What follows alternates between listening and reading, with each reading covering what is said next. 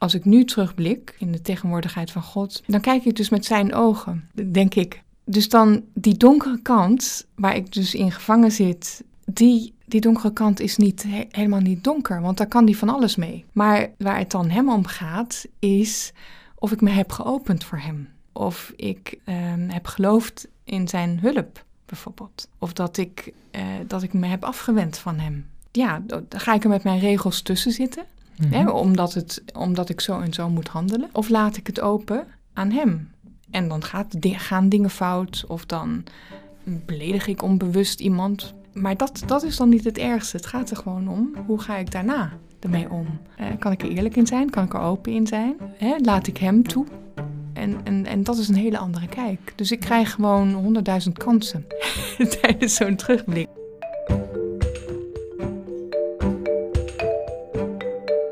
Marielle Maté is wat je noemt talig. Ze studeerde Engels, woonde in Frankrijk, leeft momenteel in Duitsland en is dol op poëzie.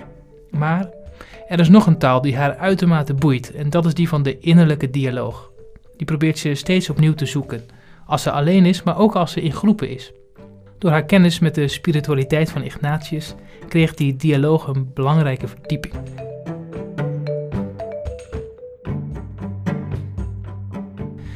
Marielle, als kind al merkte jij op dat je een soort innerlijke, ja, innerlijke beweging of zo had. Kun je dat eens vertellen? Ja, ik, dat was op de lagere school. En eh, daar hadden we dus een... eh, ja, we hadden een vrij moeilijke klas, bleek later. Waar zich ook klikjes eh, vormden. En ja, dan is toch een wens...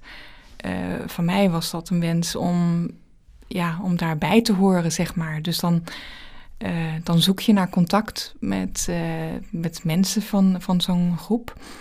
En toen merkte ik dus eh, op het moment dat ik verwachtingen had, dan werd ik heel erg teleurgesteld. En als ik dan. En de volgende dag was ik dus dan heel erg teleurgesteld en hoopte ik eigenlijk nergens op. Mhm. En dan kwam er een soort van opening, of dan raakte ik met een van hen in gesprek, of dan was het gewoon sowieso gezellig in de klas.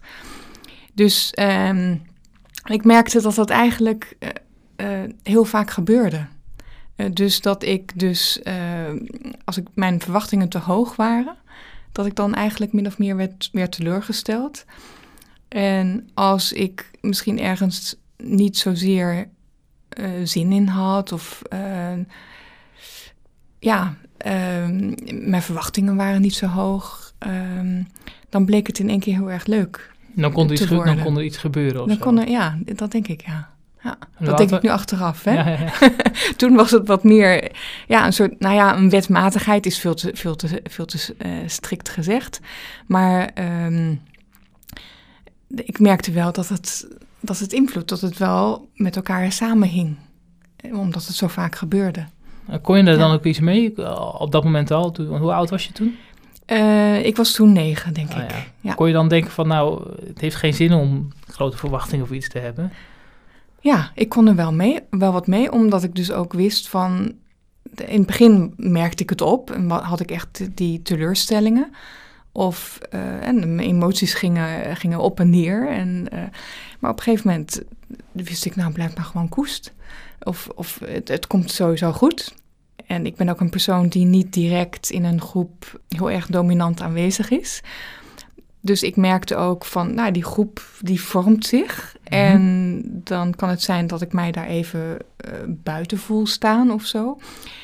Maar als dat een tijdje zo bezig is, dan vind ik mijn plek wel. Ja. Dan, dan veranderen dingen zich, zodat ik, zodat ik die zorgen die ik dan in het begin heb, om daarbij te horen, zeg maar, Mhm. die vallen eigenlijk weg. Om- omdat dat dan op zo'n manier is veranderd. Eh, daar, daar pas ik dan gewoon bij. Dus dat zijn dan, ja, wat zijn het? Observaties, maar ook innerlijke bewegingen die dan, ehm, die ik heb leren interpreteren eigenlijk. Ja, je komt dus gewoon als een soort basisvertrouwen op het spoor. En dat is eigenlijk heel mooi. Ja, dat basisvertrouwen, zo van, eh, laat, laat alles maar gewoon gebeuren in het begin. Ik ben iemand, denk ik dan, die het liefst gewoon de kat uit de boom kijkt en dat ook nodig heeft. Mhm. Ehm, terwijl andere mensen het nou, er gelijk op afgaan.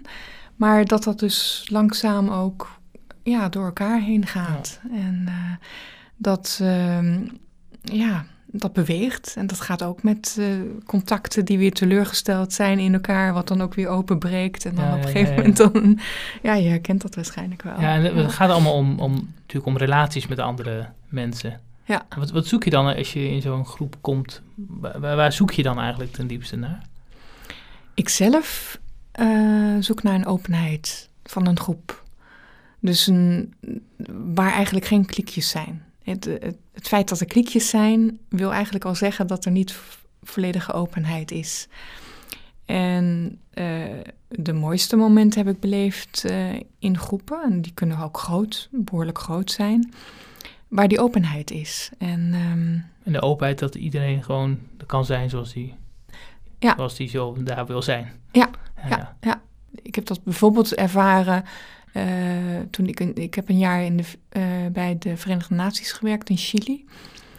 En daar heb je natuurlijk dat mensen uit andere culturen komen. Dus elkaar ook op een, op een ander, ander vlak treffen. Mhm. Eh, niemand is daar, iedereen is daar vreemd.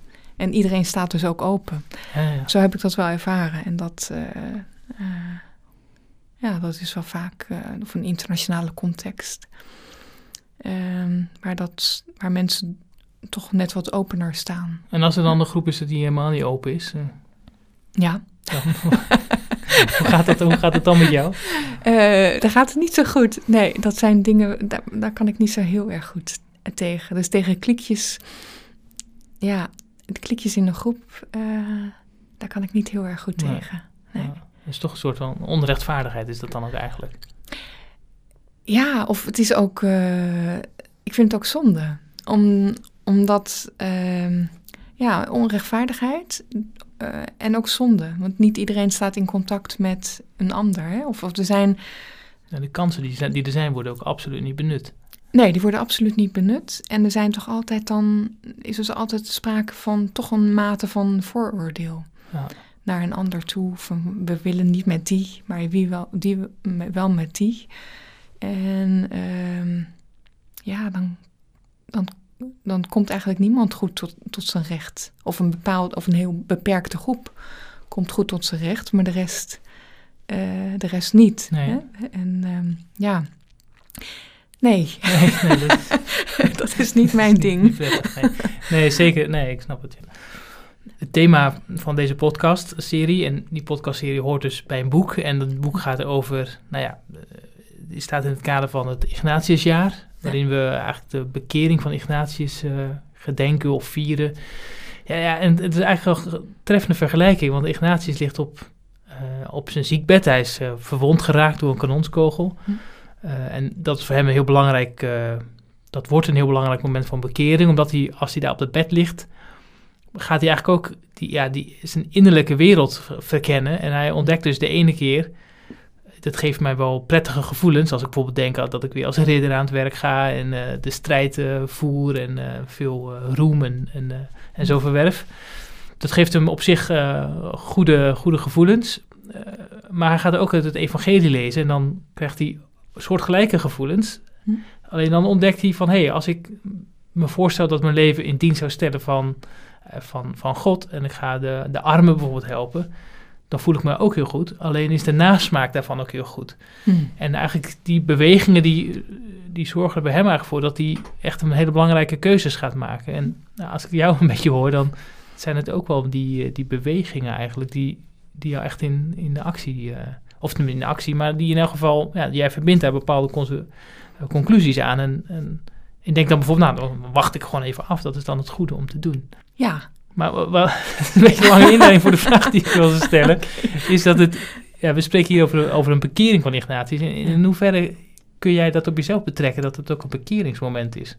En toen ik eh, eh, eh, dat ontdekte toen ik zo- zo'n 19 jaar oud was, toen was het meer een, een, ik denk nu achteraf, een soort van herkenning van de dynamiek van het leven. Mhm. Om het maar even wat breder Ja. uit te drukken.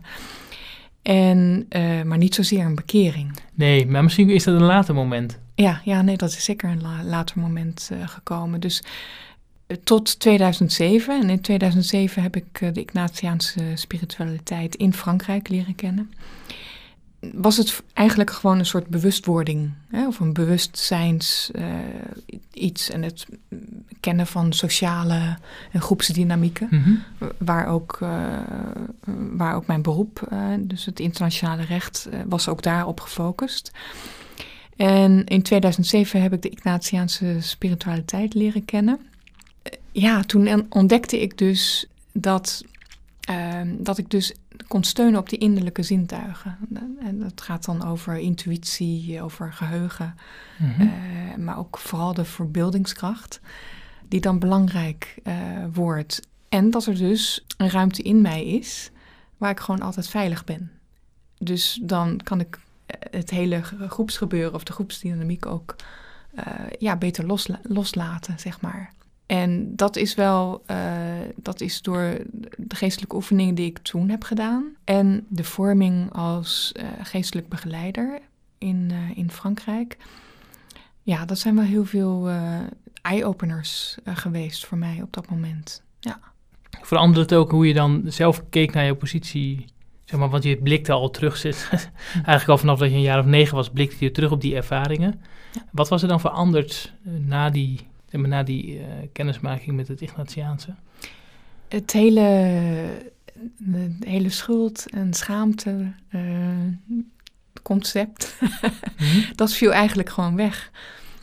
Dus ja, uh, ja. Ah, dat, zo kan ik het wel zeggen. En wat bedoel je dan met schuld en schaamte? Um, nou, dus bijvoorbeeld als ik dan bij een groep... nu, dit is de eerste keer hoor dat ik deze, deze vergelijking ga leggen... Uh, dus ik weet ook niet of die gaat werken. maar als ik dan naar, naar in zo'n groep uh, mijn plaats zocht, hè, want dat is het eigenlijk, mm-hmm. dan gaat het toch over van heb ik het vandaag goed gedaan of heb ik het niet goed gedaan? Mm-hmm. um, uh, heb ik het, had ik het anders moeten doen? dus dan zit je toch wel heel snel van, oh jee, hè, dit heb ik gedaan, ik had het beter anders moeten doen. Um, Terwijl bij de Ignatiaanse spiritualiteit ging het helemaal niet over, over schuld, zeg maar. Ging het gewoon. Uh, en was het zelfs zo dat als ik dingen misdeed, om het maar even tussen aanhalingstekens, dat het eigenlijk gewoon heel veel dingen opende. Dus ik zag juist uh, dat het helemaal niet ging van heb ik nou dingen goed gedaan of niet. Uh, en dat gaat veel verder natuurlijk dan het groepsgebeuren het, het, ging er gewoon om dat ik, eh, ja, dat ik gewoon ehm, eh, dingen deed. En na de hand zag van, hé, hey, maar dat deed ik toen fout. Of, oh, hè, en, en daar is wel dit uit voortgekomen. En, uh, en dat is gewoon, dit is gewoon wie ik ben. En dat mag er gewoon zijn. En daar ga je dan op bouwen. en hoe komt het dan dat je dat anders uh, kon zien? Door de geestelijke oefeningen en door de ervaring dat, ja, dat ik uh, naar Gods gelijkenis ben geschapen. En dat was de eerste. dat... dat, ja. En dat hij gekomen is voor. Uh, dat was ook een belangrijke. Dat hij gekomen is voor, uh, voor zondaars. Ja. Dus het, het gaat er gewoon om dat als ik kom met mijn zonde, of met mijn uh, de donkere kant, om het zo mhm. maar te zeggen, dan, dan is hij er dan is die er gewoon. Terwijl ik anders daarin gevangen zou kunnen zitten. Maar omdat, uh, omdat hij er is, valt, valt die donkere kant eigenlijk ook weg. Dus het is een, uh, een beetje abstract misschien. Maar ja, het hoeft ook niet donker te blijven of verborgen of je hoeft er niet omheen te lopen. Nee, en het, heeft, en het plaatst mij ook in, uh, in de goede positie. Dus het, het, is eigenlijk net zoals die uh, verwachtingen die ik op dat moment niet heb het is het, op het moment dat ik denk, ja, maar ik kan het ook gewoon echt niet. Of ik, uh, dit zijn gewoon mijn grenzen. Mhm. Dan laat ik dus ook eigenlijk ook los. Net zoals hè, die, die verwachtingen die niet hebben gewerkt, dat is ook een loslaten. En dan kom ik weer open te staan. En dan uh, merk ik dus, omdat ik merk dat ik begrensd ben, dat ik merk dat ik kwetsbaar ben, dan ben ik, sta ik dus open uh, tegenover hem. En dan kan hij gewoon alles ja, kan hij gewoon dingen doen. Ja, dus eigenlijk, je, je kunt eigenlijk daar dan eigenlijk doorheen kijken. Dus je stopt niet bij wat er dan fout gaat, maar daar doorheen kunnen gewoon dingen gebeuren. Ook gewoon dingen die, die, die eigenlijk wel goed zijn of die, die je verder helpen. Ja. Dus het perspectief wordt eigenlijk veel, veel wijder. Het perspectief gaat gewoon open. Ja. Omdat ik niet zit met, die, met mijn eigen voorstelling van wat, eh, wat goed Mhm, is en wat mhm, fout, mhm. zeg maar. Of, of, of wat, ehm, ja, precies. Ja. En je noemde ook nog het woord schaamte. Schaamte. Ehm, ik denk dat het vooral schuld is. Hoewel schaamte kan ook wel. Hè. Soms dan, eh, zeker in een groep, dan, eh, dan, dan doe je iets. En in die klas waar ik het dus heb, eh, over heb gehad, Mhm. ehm, zijn ook veel mensen gepest. Ik zat er net een beetje tussen. En dat pesten gaat dan heel erg op, op je schaamtegevoel. Hè? Dus dat is, eh, ja, dat is heel venijnig is dat. Ja. Daar heb ik zelf eh, niet heel veel persoonlijk eh, aan beleefd, maar ik heb het wel zien gebeuren. En, en soms, als je het dan opnam voor zo iemand, dan werd je ook doelwit. En ik ben ook wel eens doelwit geweest. Dus dat is dan een, een schaamte waardoor je, waardoor je in jezelf blijft zitten, eigenlijk. Ik noem dan zo'n voorbeeld over de bloemen die ik voor een vriendin wil ja, kopen. Ja, ja, ja, in dat essay. In het boek, ja. En eh, dat is dan één, één, één, één, één voorbeeld, hè? één moment waar ik aan moest denken toen ik het essay schreef. Eh, dan ga ik naar een verjaardag, ik heb het druk. Ik wil iets meenemen voor haar, maar ik heb het eigenlijk veel te druk. En dan zie ik dus een bloem, bloemenkraam en dan denk ik, oh, ik had bloemen voor haar kunnen kopen. Ja. En dan schaam ik me omdat ik dat niet heb gedaan. Nou ja, Dan, dat je niet eigenlijk de tijd hebt besteed aan je vriendin die, die ze eigenlijk voor jou wel waard is. Ja, en dan Ja. zie je dus het effect van schaamte op, die, op je hele gedachtegang. Dat Ja. het je dus eh, echt kan opsluiten in jezelf. Omdat ik, er was echt een beweging nodig om te beseffen... ja, maar hier is toch een bloemenkraam en ik kan het toch nu doen. En dat is dus, ehm, ja, dat, is dus die, dat open perspectief... wat ik dus door de Ignatiaanse spiritualiteit wel heb, heb leren ontdekken. Ja. Het, het lijkt ook heel erg voor de hand te liggen. Het, het, is, het is allemaal heel erg voor de hand. Ik denk de meeste bewegingen die ik heb ervaren naast, na de ontdekking van de Ignatiaanse spiritualiteit liggen heel erg voor de hand. Maar het is net dat perspectief van de ander, waarmee ik dan even kan kijken naar mijn situatie, die mij eruit eh, trekt. Uit jezelf. Ja. Ja, want dat, dan hoor ik je een paar keer zeggen dat je uit jezelf, eh, nou ja, uit jezelf gehaald wordt eigenlijk. Wordt- maar dat betekent dus dat ook in die terugblik, dus eh, to- to- het verschil met toen je negen was en nu, dus dat toen je negen was, blikte je in je eentje terug. Ja. En nu blik je eigenlijk met een ander terug. Ja, blik ik met een ander terug. Ja. Dat haalt ook die opgeslotenheid van je eigen blik eruit. Ja. Dus je kijkt met de ogen van, om het even zo te zeggen, met, met de ogen van God naar die, Ja. naar die dingen. En dan kun je makkelijker soms de angel er voor jezelf uithalen. Ja. Omdat je, omdat je een beetje weet hoe die blik is. Ja. Ja. Ja, klopt. En dat is ook, ehm, denk ik, de kracht van de terugblik. Dat, ehm, kijk, in het begin is het echt een openbaring. Is het echt een, een, een, een 180 graden eh, omkering, zeg maar, van hoe ik met mijn dag omga. Eh, van alles waar ik denk van, nou, dat, daar ben ik fout geweest, hè, daar heb ik schuld aan, is, is, is niet wat, wat, ehm, wat in mijn terugblik de dingen zijn die die ik als fout eh, bestempel.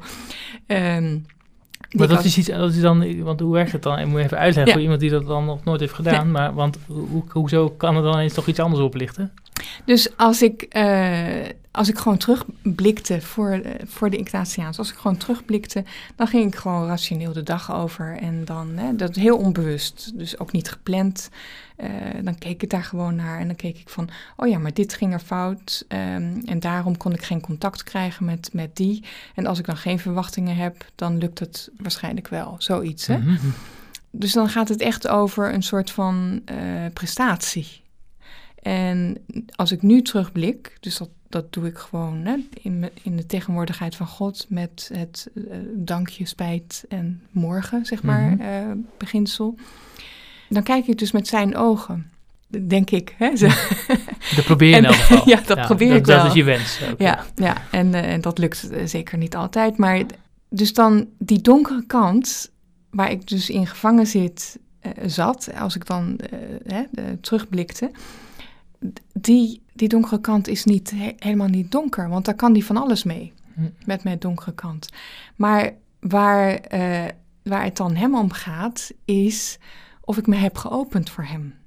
Uh, of ik uh, um, heb geloofd in zijn hulp, bijvoorbeeld. Of dat ik, dat ik me heb afgewend van hem, zeg maar. Dus dat, en dat verandert alles. ja, dan ga ik er met mijn regels tussen zitten.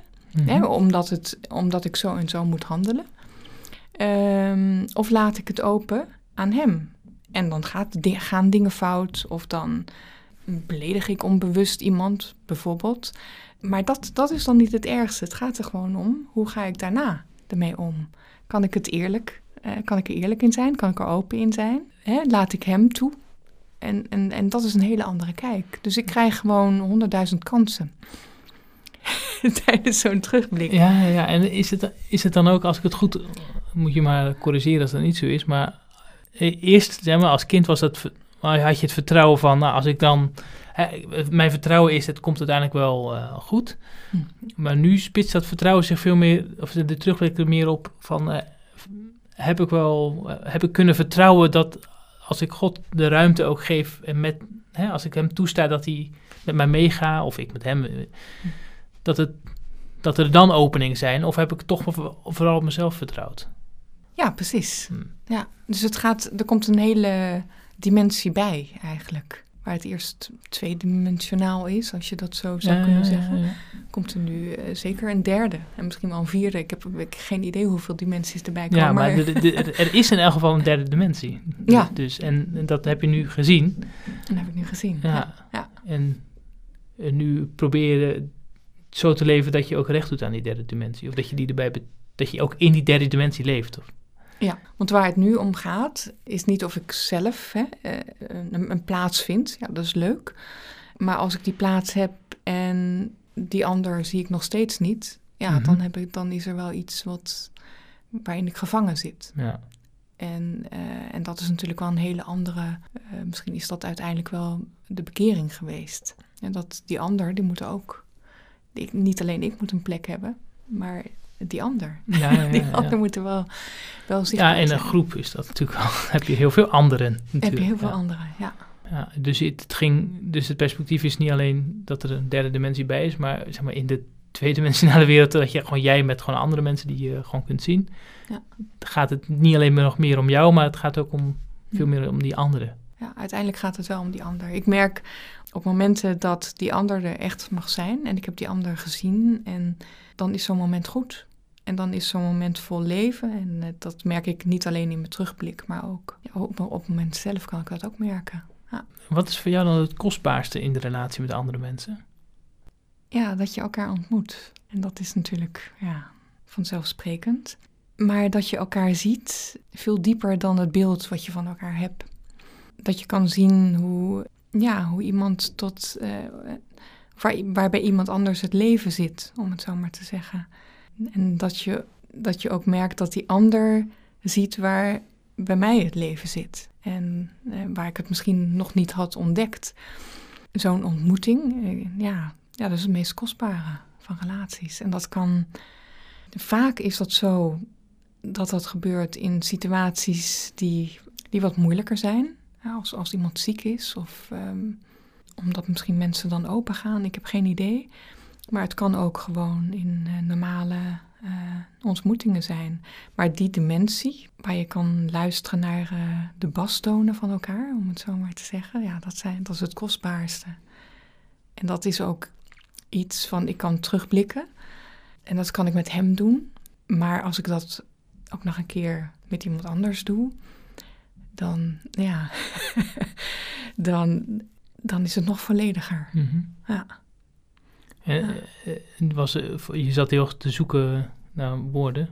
Is het dan, als je dan zo zoekt, eh, probeer dan, zijn er dan, ik weet natuurlijk totaal niet hoe het bij jou gaat, maar denk je dan in concrete voorbeelden of, of is het dat je een soort ideaal idee hebt van een ontmoeting, dat je dan probeert te definiëren van wat het dan is? Of, of waren het gewoon concrete dingen waar je dan aan denkt? Nee het, nee, het is niet ideaal, want ik heb het wel degelijk ervaren. Maar het is, ja, er zijn zoveel voorbeelden waarin ik dat ervaren heb dat het een beetje een zoeken is van hoe dat dan. Wat in is dan die, de kern daarvan? In die voorbeelden gaat, ja. ja. ja, ja. ik heb het gemerkt uh, toen mijn vader overleed, toen mijn moeder overleed. En dat zijn natuurlijk ehm, dat zijn, eh, ja, hele belangrijke voorbeelden waar het heel sterk aanwezig is.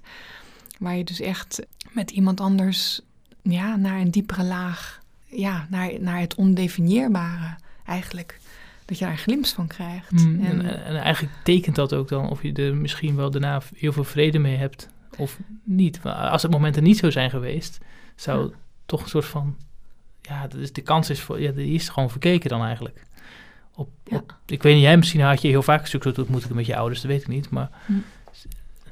Ja, het is een keuze om... Uh, ik had toen met mijn vader... Uh, um, toen, toen was ik... Um, ik was bij mijn promotor, dus uh, hij overleed toen ik nog mijn proefschrift schreef. Ik was bij mijn promotor en het ging echt niet zo goed met hem. Dus dan hebben we het over Ehm, een halve week later stierf die, zeg maar. En toen zei mijn promotor, jij gaat nu, uh, jij gaat nu naar je vader. en mijn promotor had zelf uh, een vader verloren, dus mhm. die, die kende die situatie. Mhm. ik, had nog, ik, ik, had nog niemand verloren.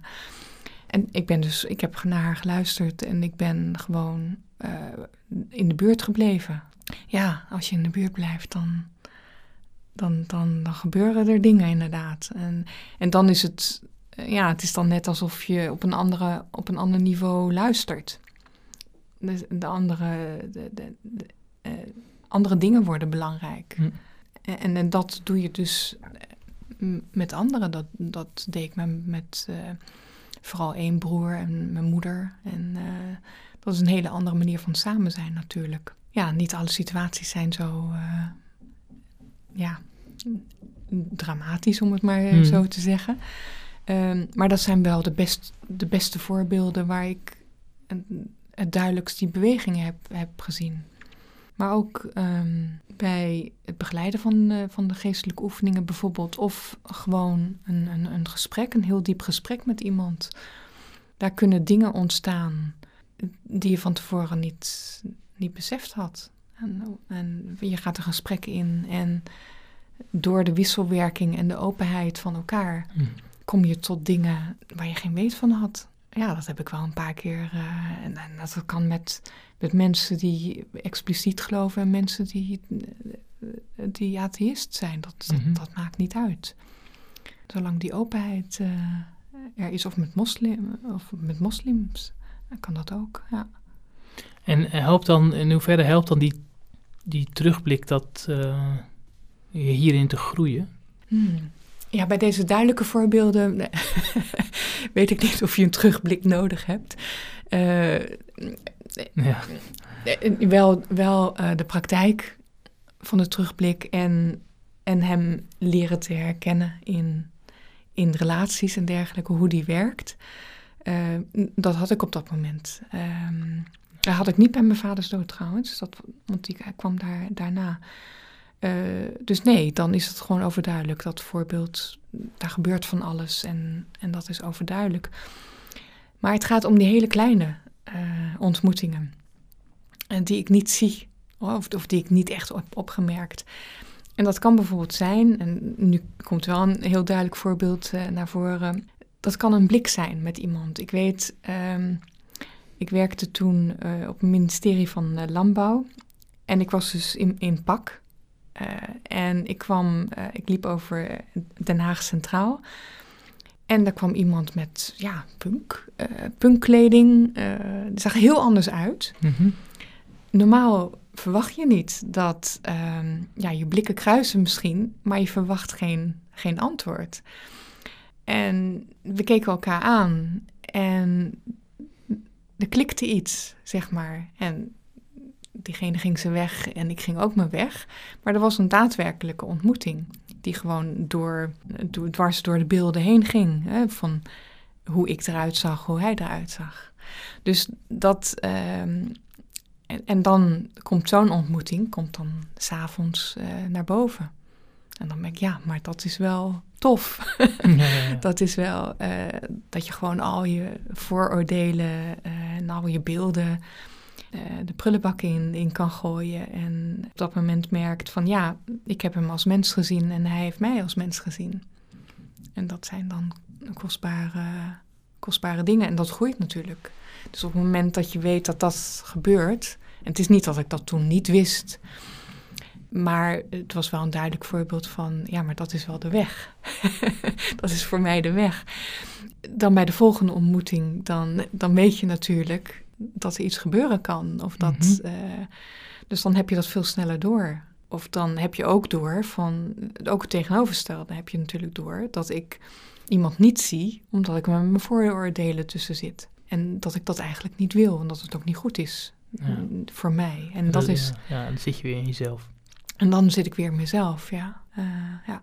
Terwijl ik misschien hartstikke goed heb gedaan die dag. Hè? Ik heb die trein snel gehaald en Ja. eh, eh, de eh, meeting ging goed. Maar ik heb diegene niet gezien. En dat, en dat is wel belangrijk, die meeting. Ja, ach, weet ik niet hoe belangrijk dat Ja, is. ja. Maar, die, maar die persoon zien, dat wel, ja. En dan, ja, dat, dat zijn dan...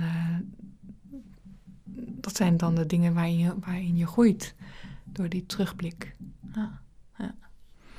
En, dat, eh, en dat verlies je ook niet meer. Dus het kan zijn dat, eh, want ik heb ook periodes, en ik wil ook niet zeggen dat ik nu eh, heel erg trouw ben aan die terugblik. Maar er zijn periodes waar het gewoon minder gaat, of Mhm. waar je ja, minder tijd hebt, of minder beschikbaar bent. En, ehm, maar op het moment, dus op het moment dat ik nu jou daarover vertel, ben ik er weer terug. En dan is het er weer. Mhm. Dus ik, ik, kan het niet, ik kan het eigenlijk niet verliezen. Omdat ik er eigenlijk op elk moment weer naar terug kan keren. En dan heb ik het weer. Oh ja, dat, daar was ik naar op weg.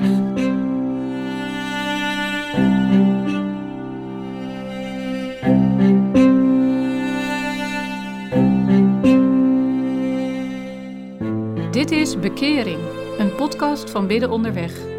Journalist Rick Timmermans gaat met zes mensen in gesprek over hoe de Ignatiaanse spiritualiteit hen geholpen heeft meer christen te worden. Deze podcastserie is gemaakt naar aanleiding van het boek Bekering, Ignatius van Loyola en twaalf mensen van vandaag. In deze bundel biedt Jezuïet Dries van den Akker een moderne hervertelling van het indrukwekkende bekeringsverhaal van Ignatius. Daarnaast vertellen twaalf mensen van vandaag het verhaal van de bekering die Ignatius mogelijk maakte in hun leven. Het boek is online en bij de plaatselijke boekhandel te koop.